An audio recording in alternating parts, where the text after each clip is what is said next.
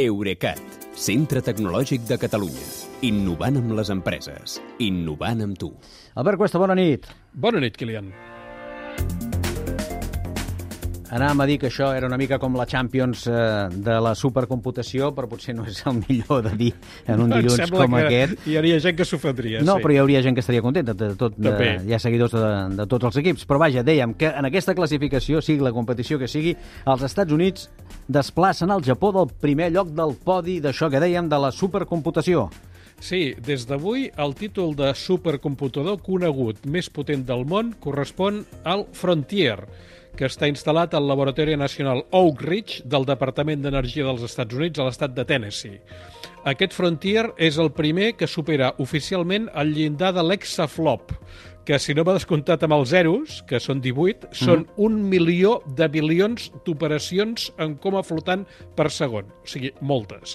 Uh, per ser exactes, uh, el Frontier té una potència sostinguda de 1,1 exaflops, que són més que els 7 supercomputadors que el segueixen al rànquing, tots junts Tots junts. inclòs el japonès Fugaku, que n'havíem parlat alguna vegada, i que ha ocupat el primer lloc durant dos anys. Això se li Ah. diu fer un cop d'autoritat, eh? És molt més que tots els altres junts, eh? Sí, sí, la, la, la potència va creixent de, amb, aquesta, amb aquests ordres de magnitud.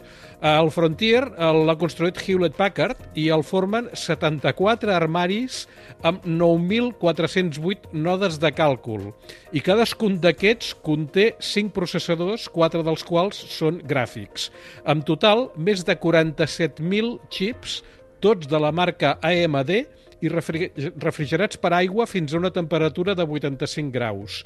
Eh, Aquest monstre necessita, de fet, 29 megawatts d'electricitat per funcionar, però tot i això, també és el supercomputador més eficient del món en termes de potència de càlcul per watt.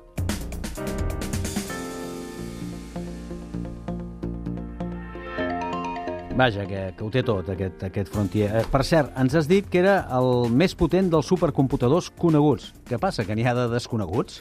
Uh, no exactament. A Més aviat és que es diu que la Xina ja va superar fa un any la barrera aquesta de l'exaflop. I no només amb un equip, sinó amb dos. Uh, un es diu Tianhe 3, no sé si ho pronunciat bé en mandarí, i l'altre es diu Ocean Light. Però cap d'aquests dos s'ha sotmès a les mateixes proves estàndard que els de la llista Top 500 que des d'avui encapçala el Frontier. I per això, de fet, fins i tot hi ha qui dubta que les prestacions dels dos supercomputadors xinesos siguin reals. Però és que sigui com sigui, la competició no s'atura. Està previst que abans de final d'any o a començament de l'any que ve entri en servei també als Estats Units l'Aurora, un altre supercomputador que duplicaria la potència del Frontier, en aquest cas fent servir processadors d'Intel. I fins i tot aquest acabarà tenint competència, diguem-ne, local, perquè dura, durant 2023 s'espera que arribi un altre que es diu El Capitán, i que serà un altre supercomputador amb xips AMD, com el Frontier, i que tindrà més de dos exaflops de potència, I també. vinga a anar, anar pujant, oi? Anar Eh, pujant, tot sí, això sí. sense comptar els supercomputadors europeus, inclòs el que ja s'està fent a Barcelona, no? Uh, sí, aviam, fins ara eh, l'equip europeu més potent és el finlandès Lumi, que és el tercer del rànquing mundial oficial, amb gairebé 152 petaflops i la mateixa arquitectura AMD que el Frontier. Però el futur Mare Nostrum 5, el, que és un dels tres equips que promou la, la Unió Europea, superarà aquest Lumi amb una potència de 200 petaflops, que si bé són la cinquena part que el Frontier, ja són 17 vegades més que l'actual Mare Nostrum 4.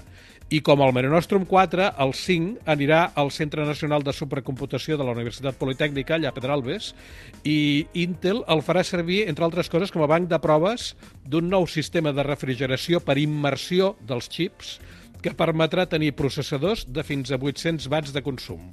Una mica marejats amb tants flops i, Amb tants, i tants sí, amb xips. flops i... I, i zeros i tot plegat. Sí, sí, vaja, que és un no parar. que Escolta'm, sigui a fi, doncs, però que sigui a fi de bé. que sigui a fi de bé. Nosaltres no pararem i demà continuarem amb més explicacions teves. Gràcies. Doncs fins demà, Kilian. Bona nit. Eurecat, centre tecnològic de Catalunya. Innovant amb les empreses. Innovant amb tu.